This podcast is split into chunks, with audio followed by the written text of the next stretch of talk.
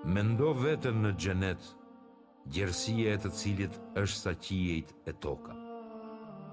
Nëse në këtë shtëpi të kësaj dynjaje provove urinë dhe jetove i privuar apo ishe i varfër, ose u pikëllove e u sëmure, ose e ke ndierë veten të ngratë, atëherë mendo veten në xhenetin e begatshëm. Nëse je i bindur në këtë dhe ke besim të fortë për kopshtet e begatshme, atëherë me plot vullnet e dëshirë të flaktë do të veprosh për këtë rrugë që të shpije drejt këtyre kopshteve dhe humbjet e tua do t'i shëndrosh në fitore të mëdha. Me të vërtetë nëse do të dish se cilët janë njerëzit më të mençur, Të them sinqerisht se ata janë njerëzit që punojnë për botën e ardhshme, e cila është e përhershme dhe më e dobishme se kjo e shkurtra. Ndërsa njerëzit më të marrë në këtë botë janë ata të cilët e shohin këtë jetë si të përhershme, si shtëpi e pafund ku të gjitha kënaqësitë, dëshirat dhe shpresat plotësohen dhe mbarojnë këtu. Njerëzit e tillë në raste fatkeqësish i sheh më të dobët dhe gati të dorëzuar e të thyer, se për ta çdo gjë mbaron këtu, ngase qëllimi i tyre është kënaqësia dhe dëfrimi në këtë botë. Ata nuk shohin tjetër veç këtë të rrejshme dhe nuk mendojnë për tjetrën, po as nuk punojnë për të. Ndaj nuk dëshirojmë që dikush tjetër t'ua ndotë ujët e pastër të kënaqësisë dhe lumturisë e as t'ua prish gëzimin e harenë. Po sikur këta të ngratë ta tërheqin pëlhurën e zezë nga zemrat dhe t'i çelin sytë nga mbulesa e injorancës, do t'i shihnin ato bukuri dhe argumente rreth të cilave është folur shumë në Kuranin fisnik. Ata do të jepnin gjithë çka patën, pa e kursyer vetëm e vetëm t'i banonin kopshtet e frytshme e të begatshme, pallatet e shëndritshme të atjeshme. Ata që përjetojnë pak çaste me bukuritë që ofron Kurani, heshtin dhe nuk i kundërshtojnë argumentet e tij. Pasha Allahun një, të vetmin e pashoq, me të vërtetë bota e ardhshme është shtëpia e jonë për të cilën meriton të sakrifikojmë, Të lodhemi e të kujdesemi, se ajo s'ka as shkatërrim, as zëvendësim. Vallë, a menduat mirë rreth popullit të Xhenetit dhe a u bindët se ata kurrë nuk sëmuren, as nuk pikëllohen, e as nuk vdesin, nuk plaken dhe qëndrojnë gjithmonë të rinj e të bukur? Me veshje të pastërta që s'i prek kurrë pluhuri, jetojnë në dhoma që bukuria e tyre e brendshme duket nga jashtë dhe bukuria e jashtme nga brenda. Në të ke atë që syri s'e ka parë, as veshi s'e ka dëgjuar, e as që i ka shkuar ndokujt në mendje. Atje kalorësi ecën nën hijen e drurit që për njëqind vite s'mund ta kalojë. Gjatësia e tendave atje është 60 milje. Lumenj rrjedhës që nuk shteren kurrë. Pallatet e saja janë të larta. Frutat janë të gatshme. Ujërat burojnë pa ndalë. Shtretërit e lartë janë të vendosur. Gota të vëna pranë Jastëkë të vendosur për mbështetje dhe qilima të shtruar. Këtu pra plotësohet kënaqësia. Kështu është lartësuar përjetimi në të. Aroma kundërmon në të. Përshkrimi i saj është madhështor. Atje është kulmi i dëshirave. Ku jemi pra? Ne që nuk mendojmë, ç'kemi që nuk kuptojmë? Nëse rruga ime më çon te porta e kësaj parajse dhe futem brenda në kopshtet e saj, ani pse më godasin të vështirat e kësaj jete të shkurtër, gëzohu ti o zemër për atë që këtu s'e pate se do ta kesh të pazhdukur atje. O ju të varfër e të mjerë që u dogjët nga skamjet, U lodhët me sprovimet e fatkeqësive tuaja. Bëni mirë sa të mundeni që të banoni në xhenetin e Allahut dhe të jeni fqinjë të krijuesit tuaj. U thonë, selamun alejkum, paqja qoftë me ju, me durimin tuaj gjetët shpëtimin, sa përfundim i lavdishëm është ky vend. Ne ju kemi bërë juve një ummet mesatar. Logjika dhe feja islame kërkon të jesh i matur e i drejtë, pa qëndrime të skajshme që dëmtojnë. E kush dëshiron të jetë i lumtur dhe të ketë hare, le t'i frenojë fuqishëm emocionet. Ji i mesëm në kënaqësi, në zemërim, në disponim dhe në pikëllim. Të zmadhosh problemin e ta rritësh atë në marrëdhëniet e tua me të tjerët, në ngjarjet e jetës, do të thotë të bëhesh i padrejtë ndaj vetes e të tregosh mizori.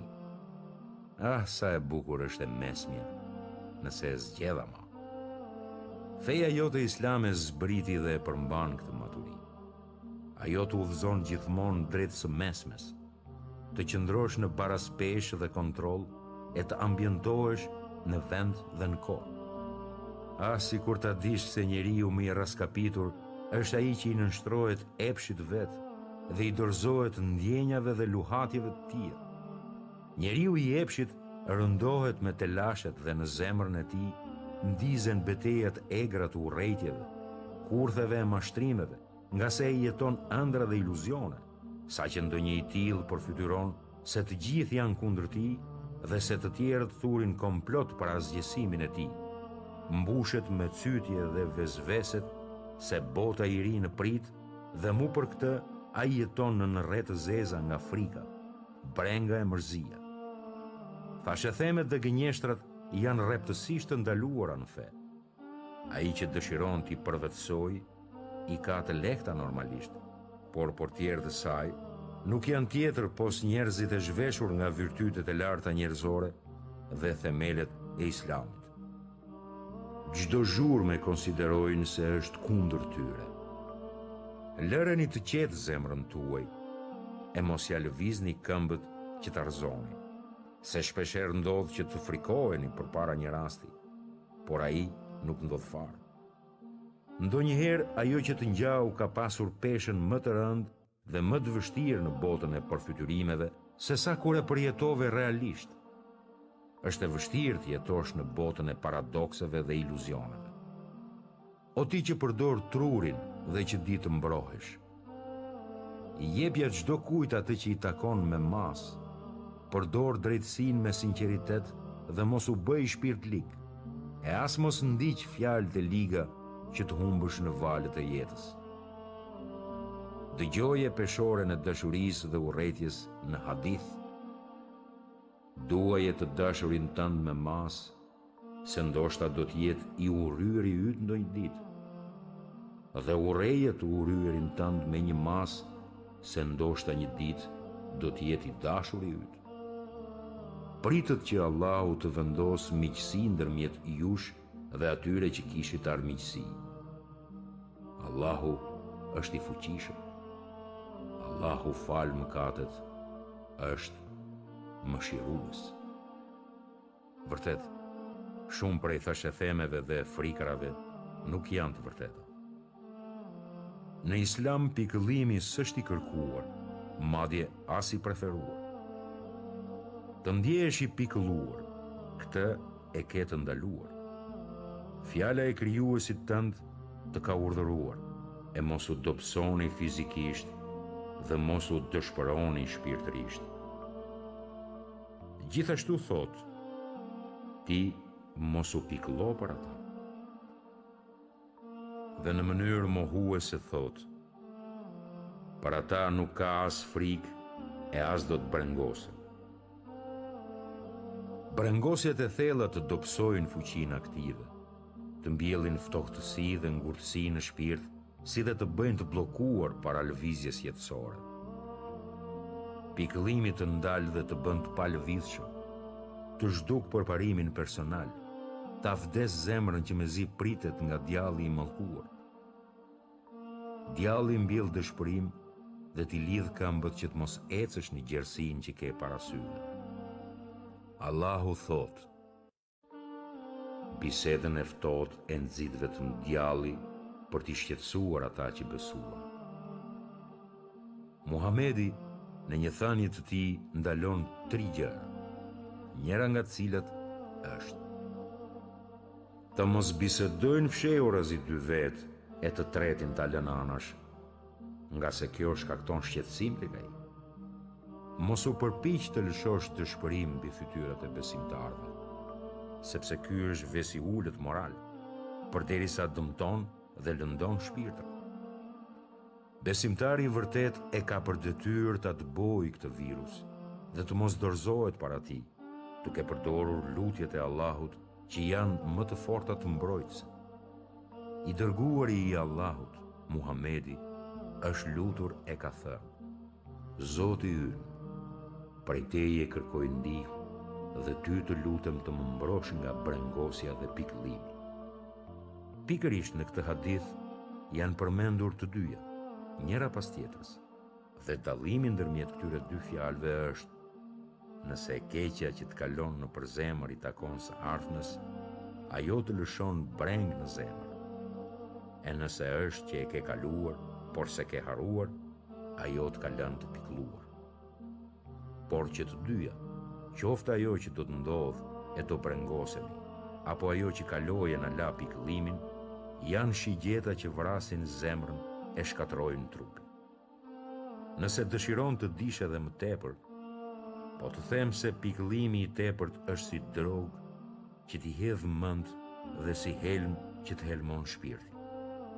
Pikëllimi bën që fjala shpresë në trurin tënd të fshihet, e të mos ekzistojë më fare, e nëse nuk ke shpresë, s'ke as besim, sepse ata që humbin shpresën janë populli jobesimtar. T'i hedhim këtu një vështrim ajetit kuranor, ku banorët e xhenetit, pasi që të hyjnë në të, do të thonë: Falënderuar qoftë Allahu që largoi prej nesh brengat. Nga kjo nënkuptojmë se në këtë botë u patën mbuluar me pikëllime e brengosje, ashtu siç u ranë fatkeqësira të tjera që ndodhin pa zgjedhjen dhe dëshirën e tyre. Nëse Allahu dëshiron ta provojë robin e tij, i lëshon pikëllimin si fatkeqësi ku nuk ka rrugëdalje tjetër për ta shmangur atë, pos t'i bëjë lutje Allahut që t'ia largojë. E nëse qëndron durimtar mbi këtë dëshpërim të madh, Allahu e shpërblen për durimin që tregoi. Këtu kemi ajetin tjetër ku Allahu thotë: Dhe as për ata që kur erdhën te ti për t'i bartur me kafshë, u the: Nuk kam me se t'ju bart. Ata u kthyen e prej pikëllimit pse s'kishin me se të përgatiteshin nga sytë e tyre rridhnin lot. Ndodh që prej lexuesve të shtrohet pyetja e të thonë, Për ç'arsye thoni se pikëllimi e brengosja janë të ndaluara dhe se nuk i lejohet besimtarit ta shkatërrojë veten me shqetësime të tepërta? Kur shohim qartë se Allahu në këtë ajet kuranor I thekson me lëvdata ata që u pikëlluan. Përgjigjemi. Këtu nuk lëvdohen për arsye të pikëllimit, se nuk do të ishte e drejtë dhe precize të themi në fillim se brengosjet janë të ndaluara e pastaj të kthehemi e të themi se tek Allahu janë të lavdëruar e të lartësuar ata që pikëllohen dhe jetojnë me lot në sy. Ata që u shqetësuan dhe nga pikëllimi nxorën lot, Sytë e tyre u lëvduan jo pse mbetën në pikëllim, por për shkak të qëllimit që shkaktoi pikëllimin. Allahu lëvdoi besimin e fshehtë që mbartnin zemrat e syve lotues, pra lëvdoi fuqinë e besimit të tyre që i bëri të pikëlluar ngase dëshironin të shkonin në luftë me pejgamberin. Por për shkak se nuk kishin me se të udhëtonin, ata u kthyen duke qarë. Ata u pikëlluan kurse dyfytyrëshit u gëzuan kur kundërshtuan urdhrin e pejgamberit. Bile edhe të tjerëve u thanë të mos shkojnë, pastaj u tallën me besimtarët. Allahu tha: Qeshni në këtë botë, por kjo është koha e shkurtër. Keni për të qarë në përjetësi pa pushim. Kurse hadithi tjetër i të Dërguarit të Allahut, Çdo fatkeqësi që i bie besimtarit, qoftë brengosje apo pikëllim i fortë, nëpërmjet tyre Allahu e fal robin dhe ia fshin atij mëkatet. Këtu nënkuptohen vuajtjet, torturat, vështirësitë dhe gjithçka që prish gëzimin e mbjell hidhërimin dhe mërzinë. Nëpërmjet këtyre fatkeqësive, njerëzit pastrohen nga mëkatet. Këtu duhet të qartësohet diçka. Besimtarit nuk i lejohet t'i lutet Allahut që të lëshojë mbi ne fatkeqësi dhe brenga e të mendojmë se kjo lutje është pjesë e adhurimit. Sikur kjo të kishte qenë e vërtetë, do të kishte qenë më i dashuri i Allahut. Muhamedi, i pari që do t'i lutej Allahut të jetonte në pikëllime e mjerime. Si mund të ndodhë kjo kur Muhamedi ishte me karakter të butë, fytyrëqeshur, zemërbardhë dhe në fytyrën e tij të ndershme shiheshin gjithmonë shenja gëzimi. Ndërsa hadithi që transmeton Hind Ebi Jala në lidhje me virtytet e të dërguarit, ku thotë se Ishte Muhamedi ai i cili jetoi në pikëllim pas pikëllimi. Nuk është i vërtetë, edhe në zinxhirin e transmetuesve ka persona që nuk njihen dhe gjithashtu nuk merret si argument, ngase kundërshton haptazi realitetin e personalitetit të të dashurit tonë, Muhamedit. Si mund të ishte pejgamberi ai i cili gjithmonë rrinte në pikëllim kur dimë se Allahu e mbrojti nga shkaqet që mund t'i sillnin pikëllimin në këtë botë. Madje ai ndaloi edhe të mendonte rreth fjalëve dhe shpifjeve që i bënin të pafetë. Allahu e pastroi Muhamedin nga gabimet në përgjithësi. Para edhe pas shpalljes së pejgamberisë. Atëherë përse të mbetej i pikëlluar? Dhe nga t'i vinte pikëllimi? Si mund të depërtonte ai në zemrën e tij, kur ai ishte dhe mbeti më i dashuri i Allahut, gjatë gjithë historisë njerëzore? Ishte i mbushur me dhikër dhe përkujtim të Allahut, i pajisur me udhëzime e përforcime në rrugën e drejtë, i sigurt në premtimet e Allahut, i kënaqur me vendimet e Allahut dhe urdhrat e tij. Jo vetëm kaq, por ai gjithmonë ka mbjellur dashuri tek të tjerë.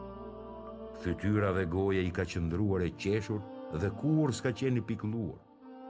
Bekimet dhe përshëndetjet e Allahut qofshin mbi të. Këtu duhet të cekim edhe një gjurmë tjetër. Nëse Allahu e do robin e Tij, ia fut në zemër pikëllimin dhe ia bën të dashur të qarët.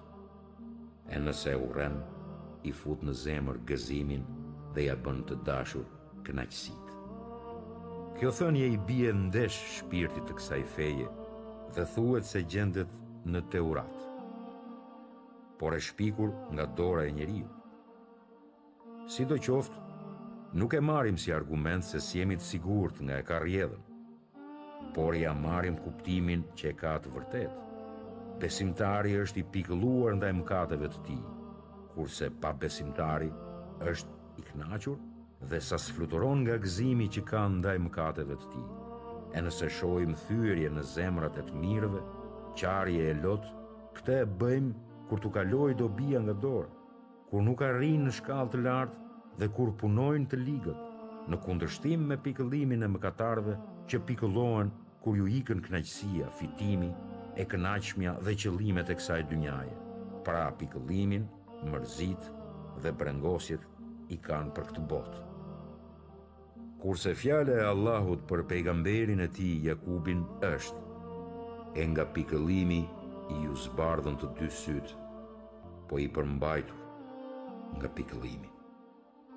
Kjo është vetëm treguese e gjendjes së fatkeqësisë së tij, që i ndodhi për shkak të humbjes së të birit dhe të dashurit të tij. Pra, duhet ta jetosh lumturinë, dhe të kërkosh lutje për rehati shpirtërore. Të kërkosh prej Allahut të kesh jetë të mirë të kënaqshme, mendime të mira, ngase ajo është prej begative të kësaj bote, saqë është thënë. Vërtet në dynja ka një xhenet. Kush s'hyn në të, nuk mund të hyjë në xhenetin e përjetshëm. Allahu është i vetmi përgjegjës që na zgjeron gjokset me dritën e bindjes, na udhëzon zemrat në rrugën e drejtë dhe na mbron nga jeta e ngushtë dhe e vështirë. Ndalu me mua. Eja të brohorasim me fjalët e kësaj lutje të zjarrtë e të vërtetë, se ajo ta largon tmerrin e madh, ngushtësinë shpirtërore, dhe ta mënjanon hidhërimin. Nuk ka zot tjetër pos Allahut, të madhit, të butit.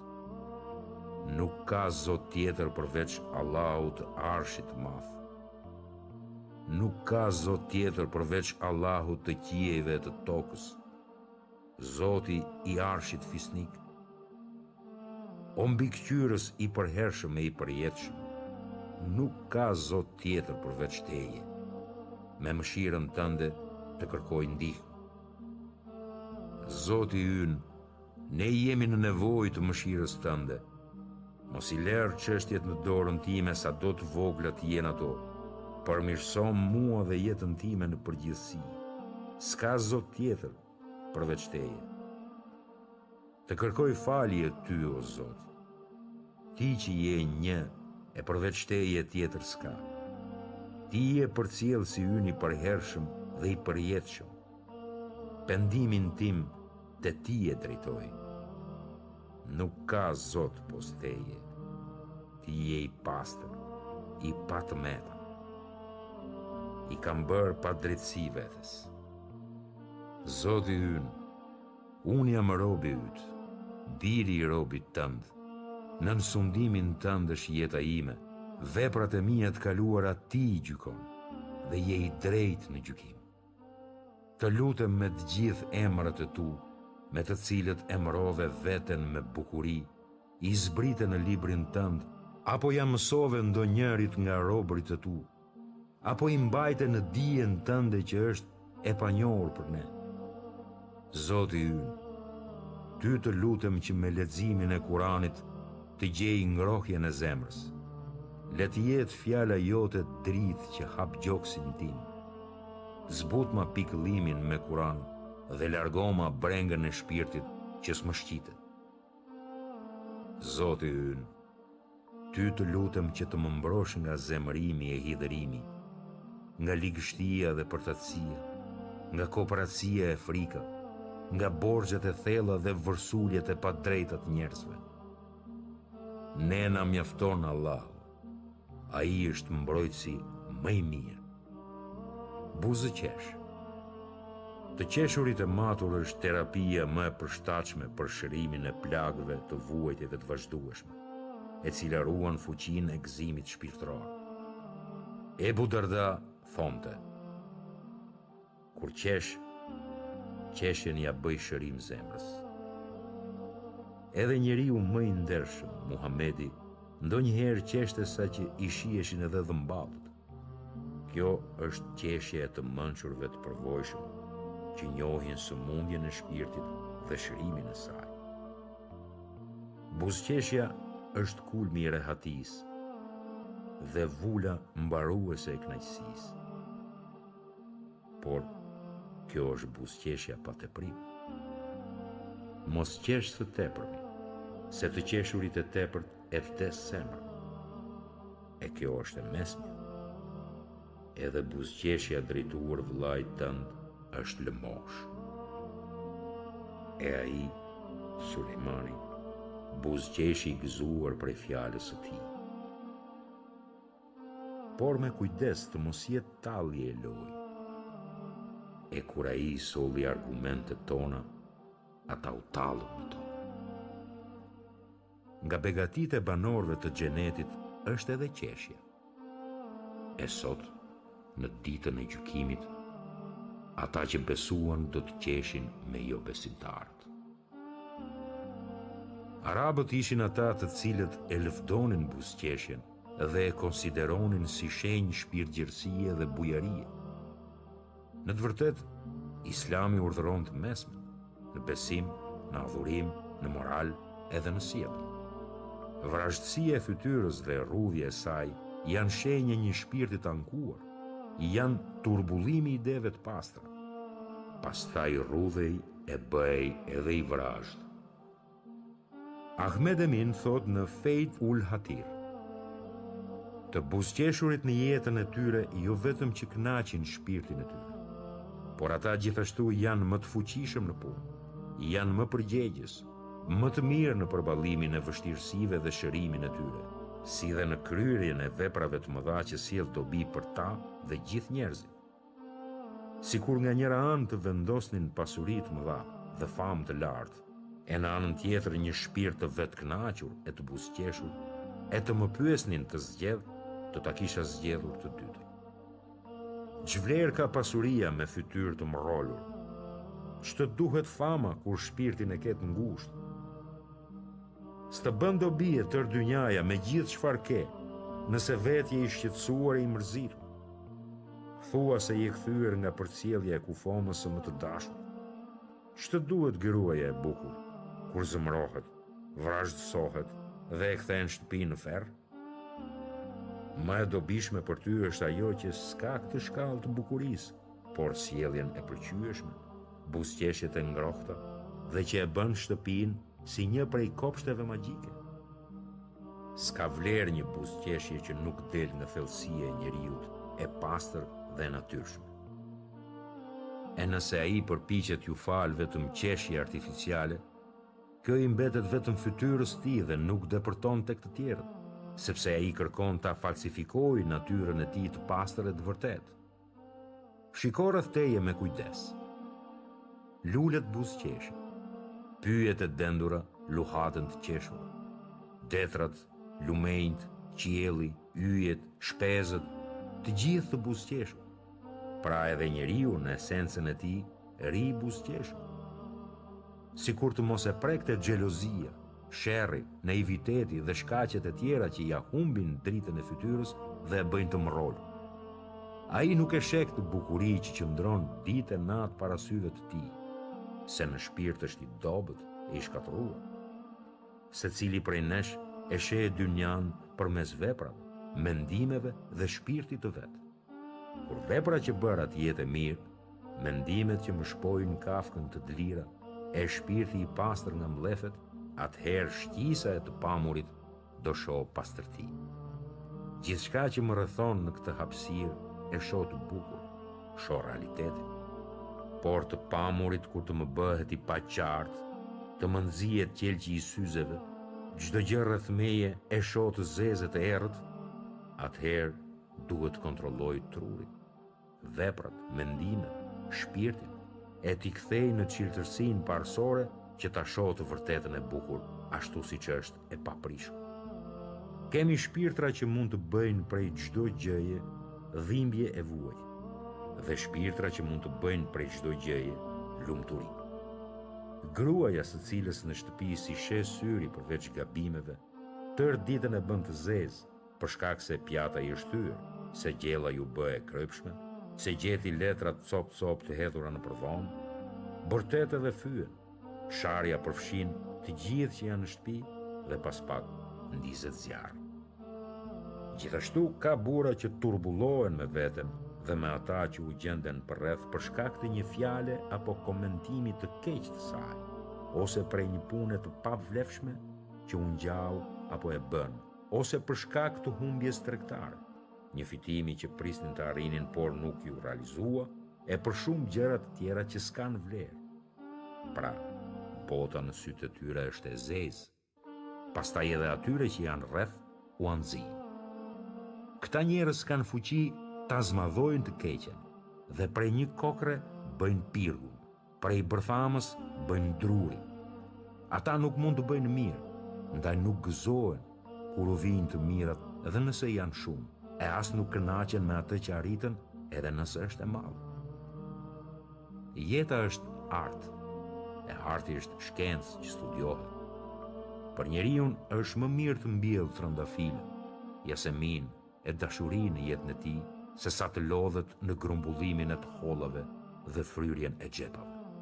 Ç'vlerë ka jeta kur gjithë mundin ia drejton mbledhjes së pasurisë, e s'bën asnjë përpjekje në lartësimin e bukurisë, mëshirës dhe dashurisë në të? Shumica e njerëzve s'i çelin sytë për bukuritë dhe gjërat interesante në jetë, por për dinarë dhe derhemë. Kalojnë rreth kopshteve plot trandafila të bukur dhe ujë të vrullshëm e shpendëve këndues, por as që u hyn në mend t'i shikojnë ato. Në mend kanë dinarin që doli e dinarin që hyri. Ishte dinari mjet për jetë të lumtur. E rrotulluan gjendjen dhe shitën jetën e lumtur për hir të dinarit. I larguan sytë nga shikimet e bukura dhe i përshtatën të mos shikojnë përveç dinarit. Nëse e ke humbur shpresën, s'mund ta gjesh buzëqeshjen. E nëse e dëshiron buzëqeshjen, luftoje atë që ta humbi shpresën. Shansi të ofrohet ty dhe të gjithë. Ngadhënjimi është i hapur. Dera e tij është për ty edhe për të tjerë. Mësoje veten të jesh i hapur dhe shpresëdhënës për vete dhe të tjerë. Përfytyro dobinë dhe të mirën për të gjithë. Nëse mendoni se jeni krijuar për gjërat e thjeshta dhe të vogla, atëherë s'mund të arrini në jetën tuaj përveç të të voglat dhe të thjeshta. E nëse mendoni se jeni krijuar për çështje të rëndësishme dhe me peshë, atëherë mund t'i thyeni kufijtë dhe t'i largoni pengesat gjersa të arrini te fusha e gjerë dhe qëllimi i kërkuar. Për ta vërtetuar këtë, po ju jap një shembull nga jeta e përditshme. Ai që gjendet në sallën sportive, e cila sallë ka një gjatësi prej 100 metrash për gara vrapimi, kur të mbarojë së vrapuari, menjëherë ulet se lodhet. S'mund të vrapojë më tepër sesa kishte planifikuar në tru për të kaluar. por tjetri që hyri në sallën e sportit me perimetër prej 400 metrash, kur kaloi 200 a 300 metra, nuk ndjeu lodhje gjersa arriti cakun e 400, se qëllimi i tij ishte caktuar në 400. Pra inkurajimi vetëvetes varet prej çështjes dhe qëllimit që ke vendosur në skicën e trurit. Cakto se çfarë do të arrish. Edhe sikur arritja e saj të jetë e vështirë, mos u merakos, sepse çdo ditë ti hedh hapat drejt saj. Ajo që e shtyp shpirtin, që e rrudh dhe e dërgon në burgun e errët, është të menduarit keq dhe humbja e shpresës. Jeta e keqe qëndron në shikimin e së keqes dhe në hulumtimin e turpeve të njerëzve, llomotitjet me fjalë për mangësitë e botës. Nuk gjen njeriu mbështetje në asgjë, ashtu siç gjen mbështetje e sukses te një edukator që ia zhvillon aftësitë natyrore, ia rikthen faljen dhe gjerësinë e gjoksit, e mëson se dobia është qëllim kryesor, Ne duhet të shpejtojmë të bëhemi rrënjë e dobisë së njerëzisë, aq sa kemi mundësi, që shpirti ynë të jetë diell i ngrohtë për një dritë, dashuri dhe dobi, që zemra jonë të jetë e mbushur me ledhatime, respekt e njerëzi, të ketë dashuri në arritjen e dobisë për secilin që të thret. Shpirti i buzëqeshur i sheh të vështirat dhe kënaqet kur i mund ato. I shikon dhe buzëqesh, i shëron dhe buzëqesh, del fitues dhe buzëqesh. Kurse shpirti i mërrolur s'i sheh realisht vështirësitë. por i zmadhon ato dhe pastaj i bie interesi për to dhe shfajsohet me sikur, nëse e lloj-lloj justifikimesh. S'është koha ajo që e mallkon atë, por mendimet e tij dhe kultura që ka. Ai dëshiron fitimin në dynja, e nuk ia vë çmimin. Ai sheh në çdo rrugë, luanin vërsulës dhe pret derisa të bjerë floriri nga qielli apo të shpërthejë toka prej pasurisë. Me të vërtetë vështirësitë në këtë jetë janë çështje me përqind. Shpirti shumë i vogël sheh gjëra shumë të vogla. e shpirtgjërët nuk shohin vështirësi të mëdha, por atyre madje u shtohet madhëria aq sa iu shtohen të vështirët, kurse shpirtvegjëlve u shtohen sëmundjet duke ikur prej tyre. Vështirësitë e kësaj jete më ngjajnë me qenin e tërbuar dhe kafshues. Ti ecën rrugës, kur papritmas, të del ky qen që është i uritur për kacafytje. Ti e vështron atë, frikësohesh, Edhe ikën me vrap. Ai të ndjek duke lehur, ngase u tregove frikacak. Por sikur të qëndrosh, pa ngatërruar këmbët, e ta shikosh në sy dhe të vazhdosh rrugën, ai të largohet nga rruga jote edhe merr ferrat. Pastaj, s'ka gjë më vrasëse për shpirtin sesa ndjenja se je i humbur, i nënçmuar dhe i pavlerë. Prej këtyre ndjenjave është e pamundur të dalë vepër e madhe, e as nuk pritet prej këtyre ndonjë dobi. Ndjenja e të qenurit i humbur të bën të humbasësh besimin në vetvete. Nëse fillon ndonjë punë, frikësohesh në fuqinë tënde dhe e dyshon fitoren. Kështu që në fund pëson humbje. Besimi në vetvete është një veti e madhe, ngaqë në të varet suksesi në jetë.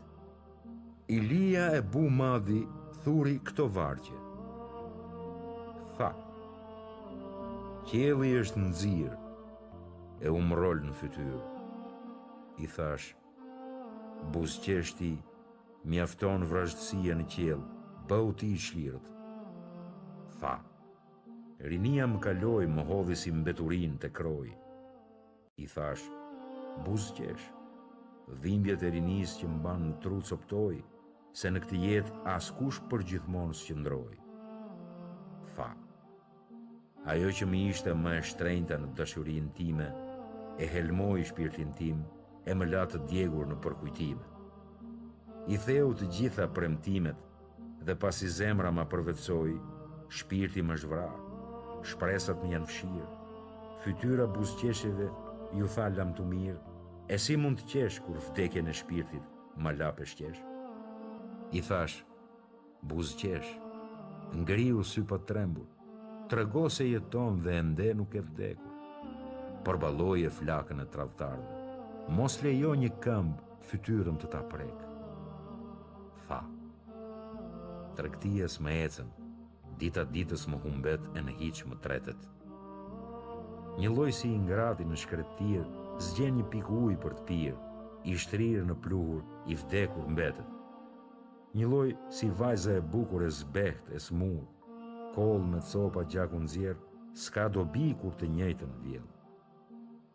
I thashë, buzëqesh, se ti s'i ke barërat dhe shërimin e saj në dorë, e ndoshta buzëqeshja jote te shumë të tjerë hidhërimet i korr.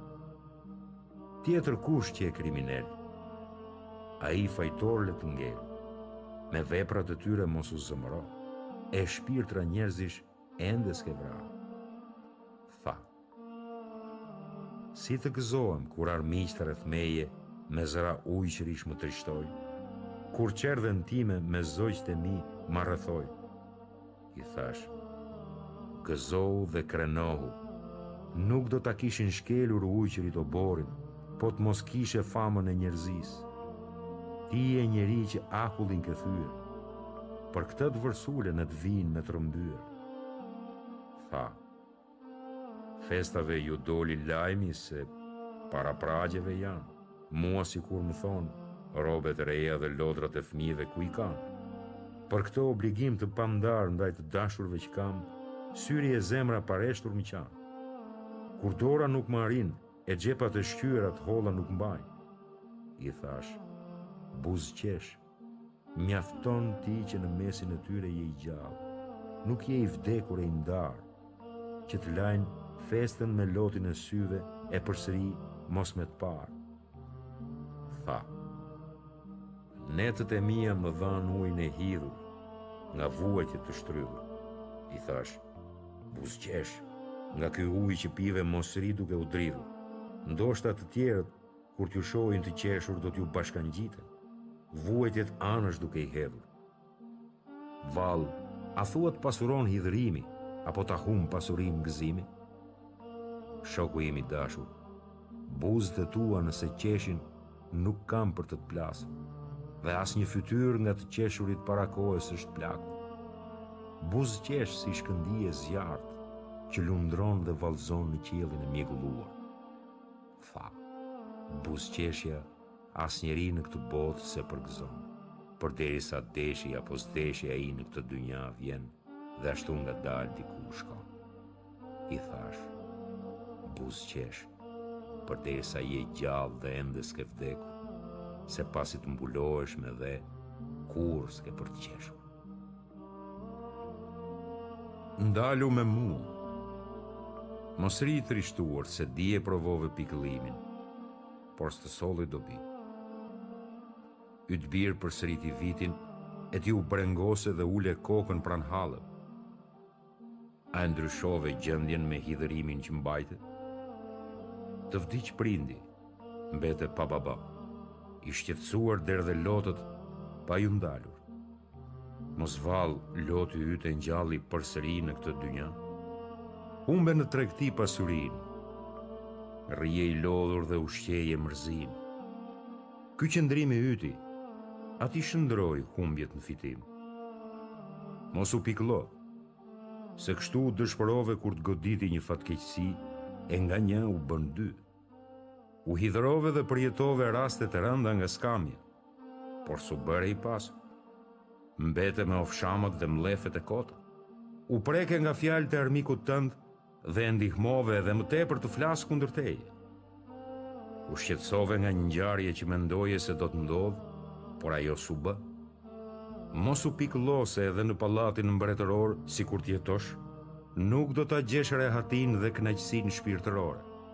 Edhe nëse ke pasuri të madhe, i njohur je me famë, e kotë është kjo për ty. Se vuajtjet ta humbën shpresën që të mbante gjallë. Mos u pikëllo, se pikëllimi ujin e ëmbël e të ftohtë ta bën të idhtë e të ngrohtë. Trëndafilin e shndërron në ferrë, kopshtin në thatësi të shkretë dhe jetën në burg të rreptë. Mos u pikëllo përderisa ke fenë islame që në të beson. Ke shtëpinë që në të banon, ke ushqimin që me të jeton, ke ujin e ftohtë që etjen kalon, ke tesha të mira që trupin mbulon, ke grua të ndershme që shpirtin ta qetëson. Përse pra pikëllimin s'e dëbon? Mirësia dhe begatia e dhembjes. Nuk janë dhimbjet gjithmonë të urryera dhe ato që sjellin gjithmonë mjerime e të këqija. Ndodh nganjëherë që robi të jetojë në dhimbje e të ketë dobi. Me të vërtetë, lutja e nxehtë vjen me dhimbje. Adhurim të vërtetë sheh atëherë kur të shoqëron dhimbje. Dhimbjet e nxënësit në kohën e lypjes së diturisë dhe arritjes së saj, Durimit të vështirësive të rrepta gjatë kohës së përpjekjeve bëjnë që ai ta korrë frytin e famës, si një dijetar i fortë e i rrallë, ngase u dogj në fillim e ndriçoi në mbarim. Dhimbjet e poetit dhe vuajtjet e tij kur nëpërmjet rreshtave të thurur i thotë prodhojnë një kulturë të bujshme, gjithashtu edhe vuajtjet e një shkrimtari nxjerrin vepra të gjalla, e tërheqëse që janë të mbushura plot këshilla e shembuj, mësime e përkujtim. Nxënësi që jetoi pa fije shqetësimi dhe aktiviteti pranë bankave, e as që e lodhi trurin pranë librave, mbetet gjithmonë marginal, përtac dhe i panjohur. Po ashtu edhe një poet i cili nuk njohu dhimbjet, e as ua shijoi idhtësinë, vetëm se hum kohën në poezitë e tij. Se fjalët i mbeten shumë të lira si një zbrazthirë e flluskave të shkumës së detit që në fund humbin dhe shuhen. Mbeten të tilla se fjalët nuk dolën nga muskujt e zemrës, por vetëm nga maja e gjuhës. Shembull më të lartë dhe të ngritur kemi jetën e besimtarëve të parë, të cilët e përjetuan mëngjesin e misionit, rilindjen e umetit. fillimin e shpalljes.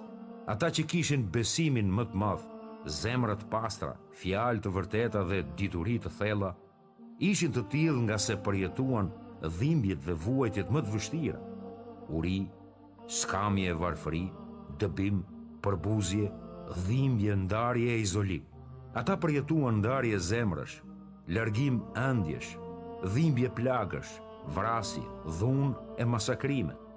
Por përsëri mbeten me të vërtetë shembuj legjendarë, pakicë e zgjedhur, shembëlltyrë e pastërtisë, simbole të virtyteve të larta, sakrifikues të mëdhenj.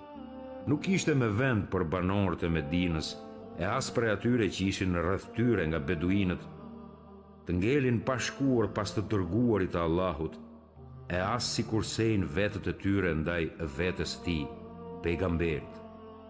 Nuk ishte me vend ngase ata s'i godet as etja, as lodhja, as uria kur janë në rrugën e Allahut, dhe nuk shkelin ndonjë vend që i hidhëron jobesimtarët, dhe nuk arrijnë kundër armikut çkado qoftë vetëm se të gjitha ato do t'u evidentohen si vepër e mirë. Allahu s'ua humb shpërblimin. vepërmirëve.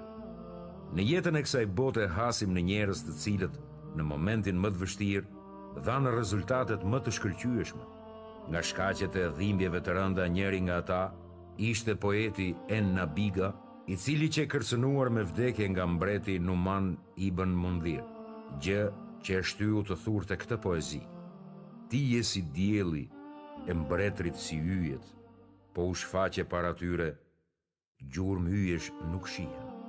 Dhe si shembulli i këtij kemi shumë të tjerë të cilët u dalluan në jetën e kësaj bote për shkak të dhimbjeve.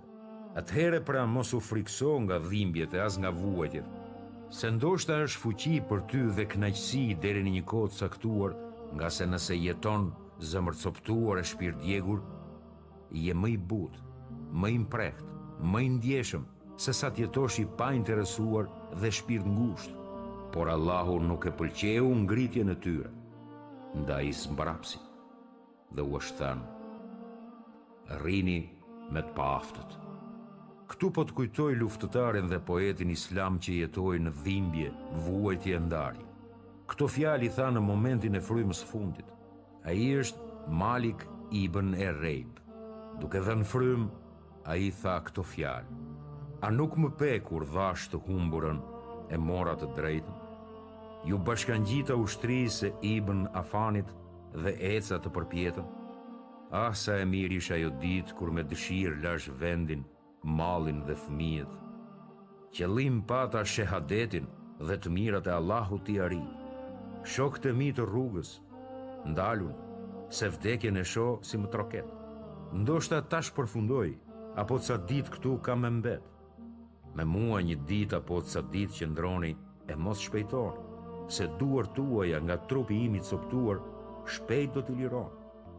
Me majat e shigjetës që luftova, varrin tim ma çelni Një skaj të gjybes shkoqeni E sytë hapur mos m'i leni Mos ma bëni varrin e ngushtë Në këtë tokë të gjerë Shtëpi tokën në fund ne kemi Të gjithë do të na nxërë Deri në fund të zërit që herë i ndalej E i ndërpritej Nxirreshin këto fjalë Me nxjerrjen e dhimbjes së shpirtit dhe me lot e ofshama, mbetën fjalë të fundit për të gjithë ata që do t'i lexojnë si një vullkan që lë gjurmët e tij të pazhdukshme. Këshillat, ligjëratat, fjalët që rrjedhin me flakë zemre, arrijnë dhe zënë vend në brendësinë e saj, notojnë në thellësitë e shpirtit, ngase ai që i flet i jeton ato dhimbje e përvëlime.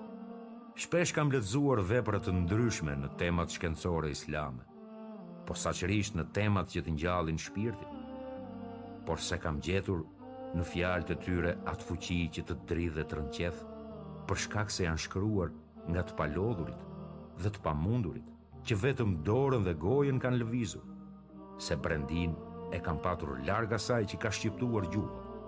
Flisnin me gojë atë që s'e kishin në zemra.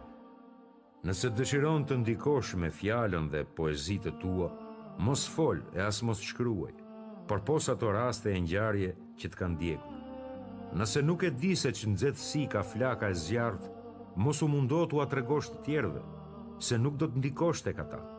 Le të jetë fjala jote ajo që do të ngjallë ndjenjat e njerëzve si uji që ngjall tokën pas thatësisë. E kur ne ia lëshojmë asaj ujin, ajo gjallërohet, shtohet dhe nga të gjitha llojet rrit bimë të ndryshme. Dobia e diturisë. Injoranca është vdekja e ndërgjegjes dhe zhdukja e jetës. Unë të këshilloj të mos bëhesh nga injorantët. Dituria është dritë për të dëshmuar dhe njohur të vërtetat, e cila të jep gjallëri në shpirt. Vallë, a është ai që qe i vdekur kurse ne e ngjallëm dhe i dhamë dritë me të cilën ecën në mes të njerëzve? Si ai që ka mbetur në errësira dhe s'mund të shpëtojë nga ato? Lumturia dhe zgjerimi i kraharorit vjen me lypjen e diturisë. Ajo ekziston e nëse dëshiron ta gjesh, përpiqu dhe kërkoje. Se dituria të zhvillon trurin dhe të bën të kuptosh atë që ishte e panjohur për ty. Dituria të jep zgjuarsi të zbulosh të mbuluarën dhe të fshehurën. Kur njeh dhe zbulon të panjohurat, bëhesh aktiv dhe përpiqesh të shikosh gjithnjë e më larg. Kurse injoranca është mërzi e pikëllim. S'të ndryshon diçka në jetë.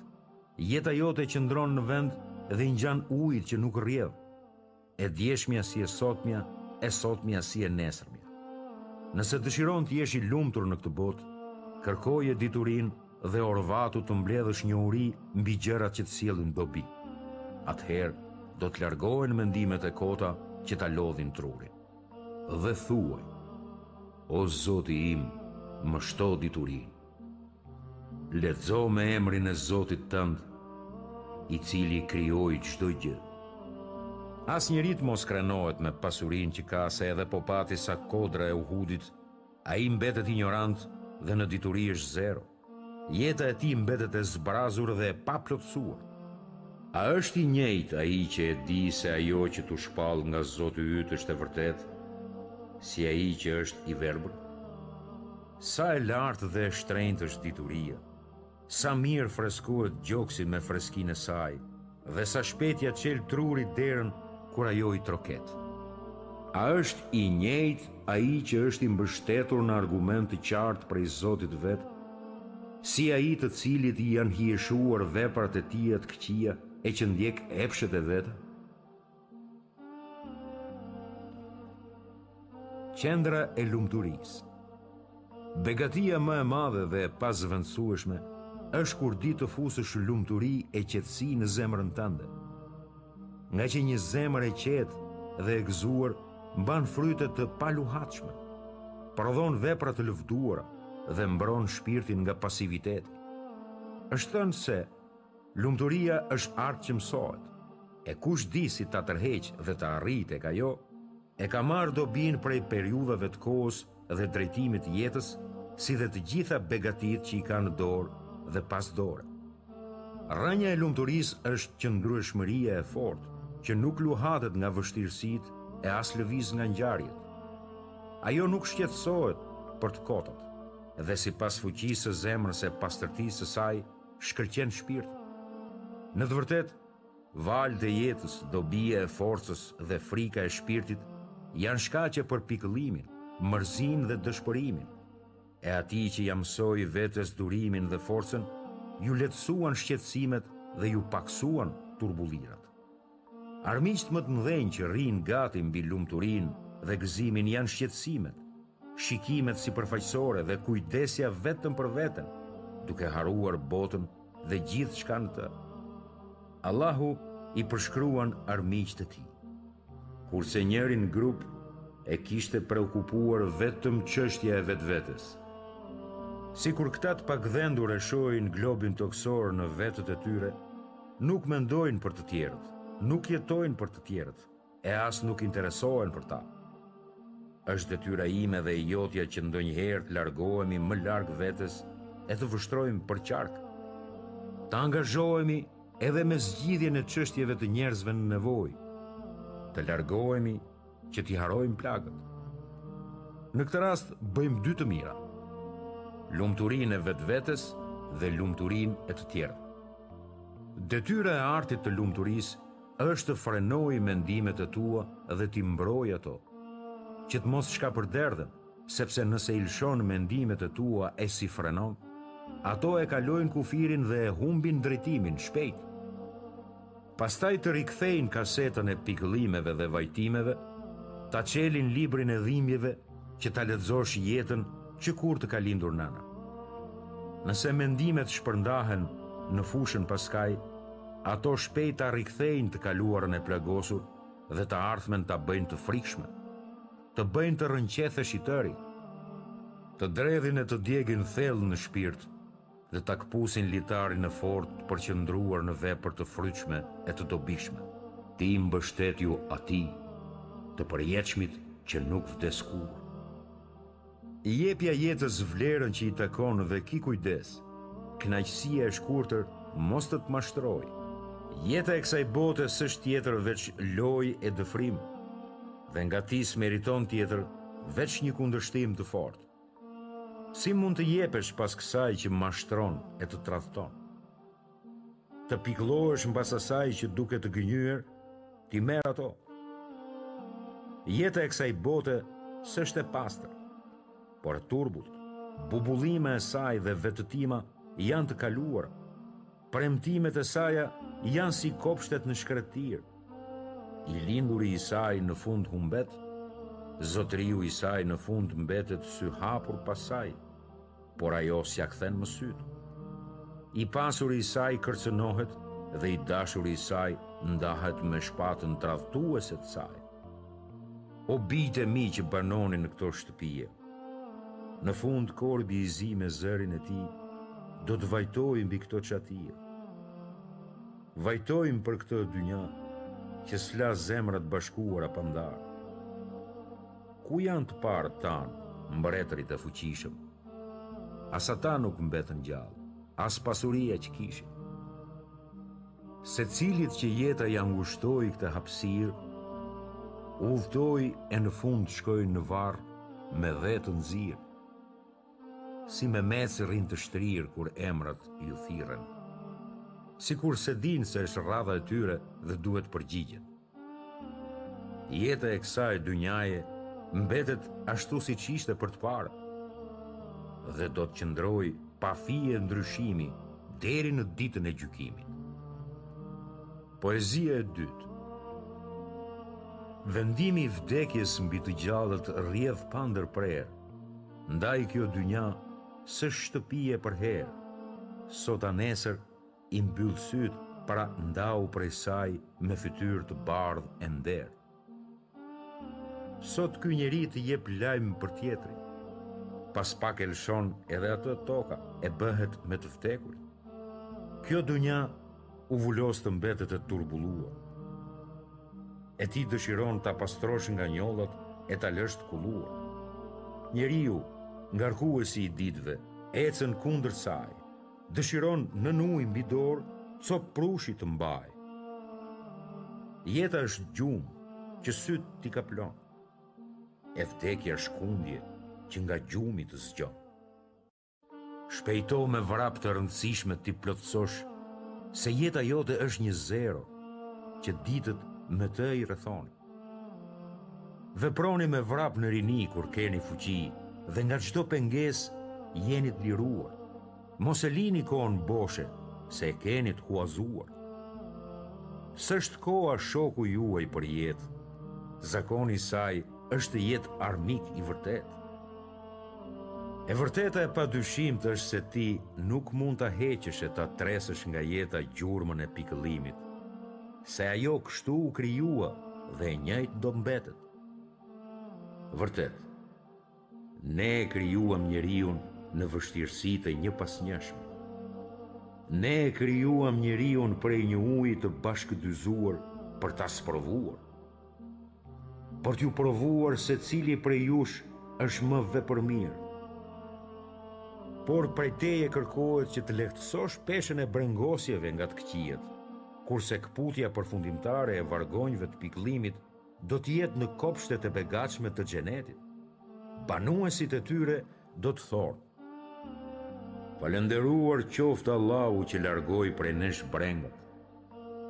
Ky është argumenti më i fortë që të vërteton se në këtë botë s'gjendet rrugëdalje për t'iu ikur prekjeve shpirtërore, që i shkakton brengosja e tepërt ashtu siç nuk zhduket xhelozia dhe urrejtja përveçse në xhenet.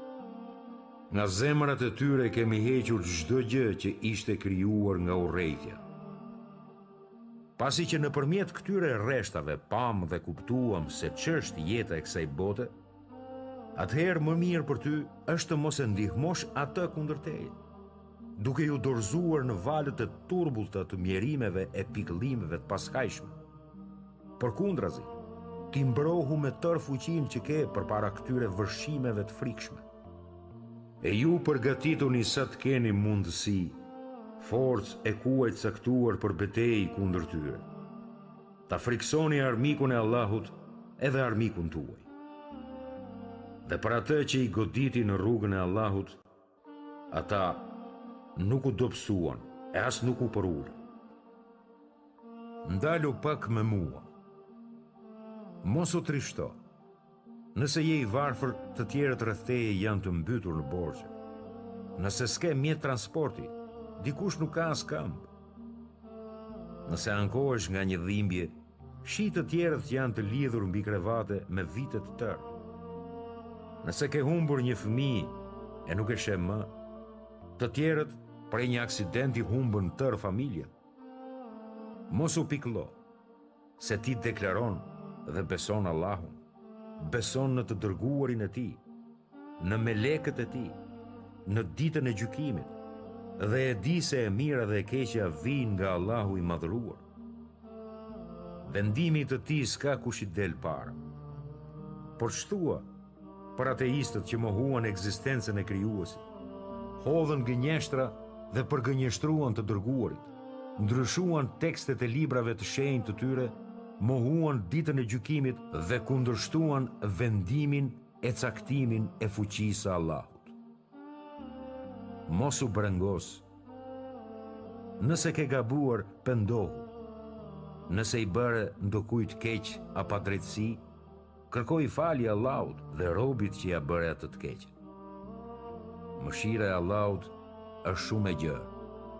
Dera e pendimit ende e hapur të pret ty, sepse ajo të pranohet me lejen e Allahut. Mos u trishto, se sistemi yt nervor një ditë prej ditësh do të dëmtohet, që do të të sjellë dridhje trupi e lodhje zemre dhe dyshemeja të bëhet vend lodhjeje. Mbizotërimi i emocioneve Emocionet ndizen dhe ndjenjat lëvizin furishëm në dy raste, në rastin e gëzimit të madh dhe në rastin e fatkeqësisë së rëndë. Në hadith thuhet: Jam i ndaluar nga dy zërat e çmendurisë së rreptë, zëri i gëzimit dhe zëri i fatkeqësisë. Ashtu që të mos dëshpëroheni tepër për atë që ju ka kaluar, e as të mos gëzoheni tepër për atë që Ai ju ka dhënë. Ai që i frenoi emocionet dhe i mbajti nën kontroll para ndodhive të dhimbshme të vështira, shijoi kënaqësinë e lumturisë dhe doli fitues ndaj vetvetes. Por natyra e njeriut në përgjithësi është e tillë që demoralizohet shpejt dhe i rritet mendja shpejt. Kur i ndodh diçka e mirë, ai gëzohet e bëhet shumë përtac. Kurse kur e godet ndonjë e keqe, ai ankohet dhe hidhërohet. Këtu bëjnë përjashtim ata që falen, të cilët qëndrojnë besimtarë të mirë e të denjë në Zotin fuqiplotë. Nuk tronditen prej çështjeve që s'i kënaqin, sepse së pari ata durimin e kanë të angazhuar në madhërimin e Zotit, në zbatimin e obligimeve si mëkëmbës të Allahut mbi tokë, në kujtimet rreth përgjegjësisë që duhet të japin në ditën e gjykimit. Angazhimi i tillë i bën aq të matur saqë nuk e tepërojnë as në lavdërim e as në hidhërim. Ata që s'kanë fuqi të qëndrojnë të fortë para emocioneve të tyre në rast hidhërimi i sheh të zbehtë, të skuqur, me sy të çapërdisur. Nxjerrin fjalë të rënda fyese, kanë zëra të trishtueshëm e djegin veten dhe prishin brendësinë e tyre. Kalojnë çdo kufi njerëzor duke u larguar larg së drejtës dhe zhytur në thellësitë e së padrejtës. Kurse në rast gëzimi shndërrohen krejtësisht. I sheh fytyrëqeshur, harrojnë veten në thellësitë e lumturisë dhe kënaqësisë. Nëse dikush u bërtet e fyen, ia harrojnë të gjitha të mirat që u bëri, e nëse e duan dikë, i mveshin të gjitha cilësitë e madhërimit dhe e ngrenë në pikën më të lartë. Duaje të dashurin me masë, se ndoshta një ditë të bëhet njeriu më i urryer dhe urreje të urryerin me masë Se ndoshta një ditë do të bëhet i dashuri yt. Në hadithin tjetër thuhet: E lus Allahun të më mundësojë drejtësi e maturi në zemërim dhe gëzim. E ai që i mbizotëron ndjenjat dhe gjykon me mendjen e tij, i peshon gjërat drejt e për çdo gjë vendos masë, shikon të vërtetën, e njeh udhëzimin dhe bindet në realitetin. Ne i dërguam të dërguarit tanë me argumente të qarta dhe ne zbritëm me ta librin dhe drejtësinë që njerëzit t'i përmbahen së drejtës. Vërtet. Islami erdhi me peshoren e pashembullt, me moral e program jete, ashtu siç erdhi me ligje që qetësojnë shpirtin. Dhe ashtu sikur ju udhëzuam në Islam, ne ju bëmë një popull të drejtë.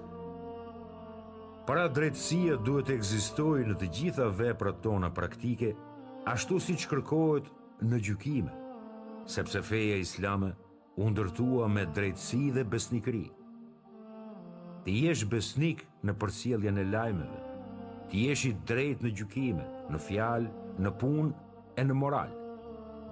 Fjalët e Zotit tënd janë plot të vërteta, çka lajmërojnë, dhe plot të drejta, çka gjykojnë.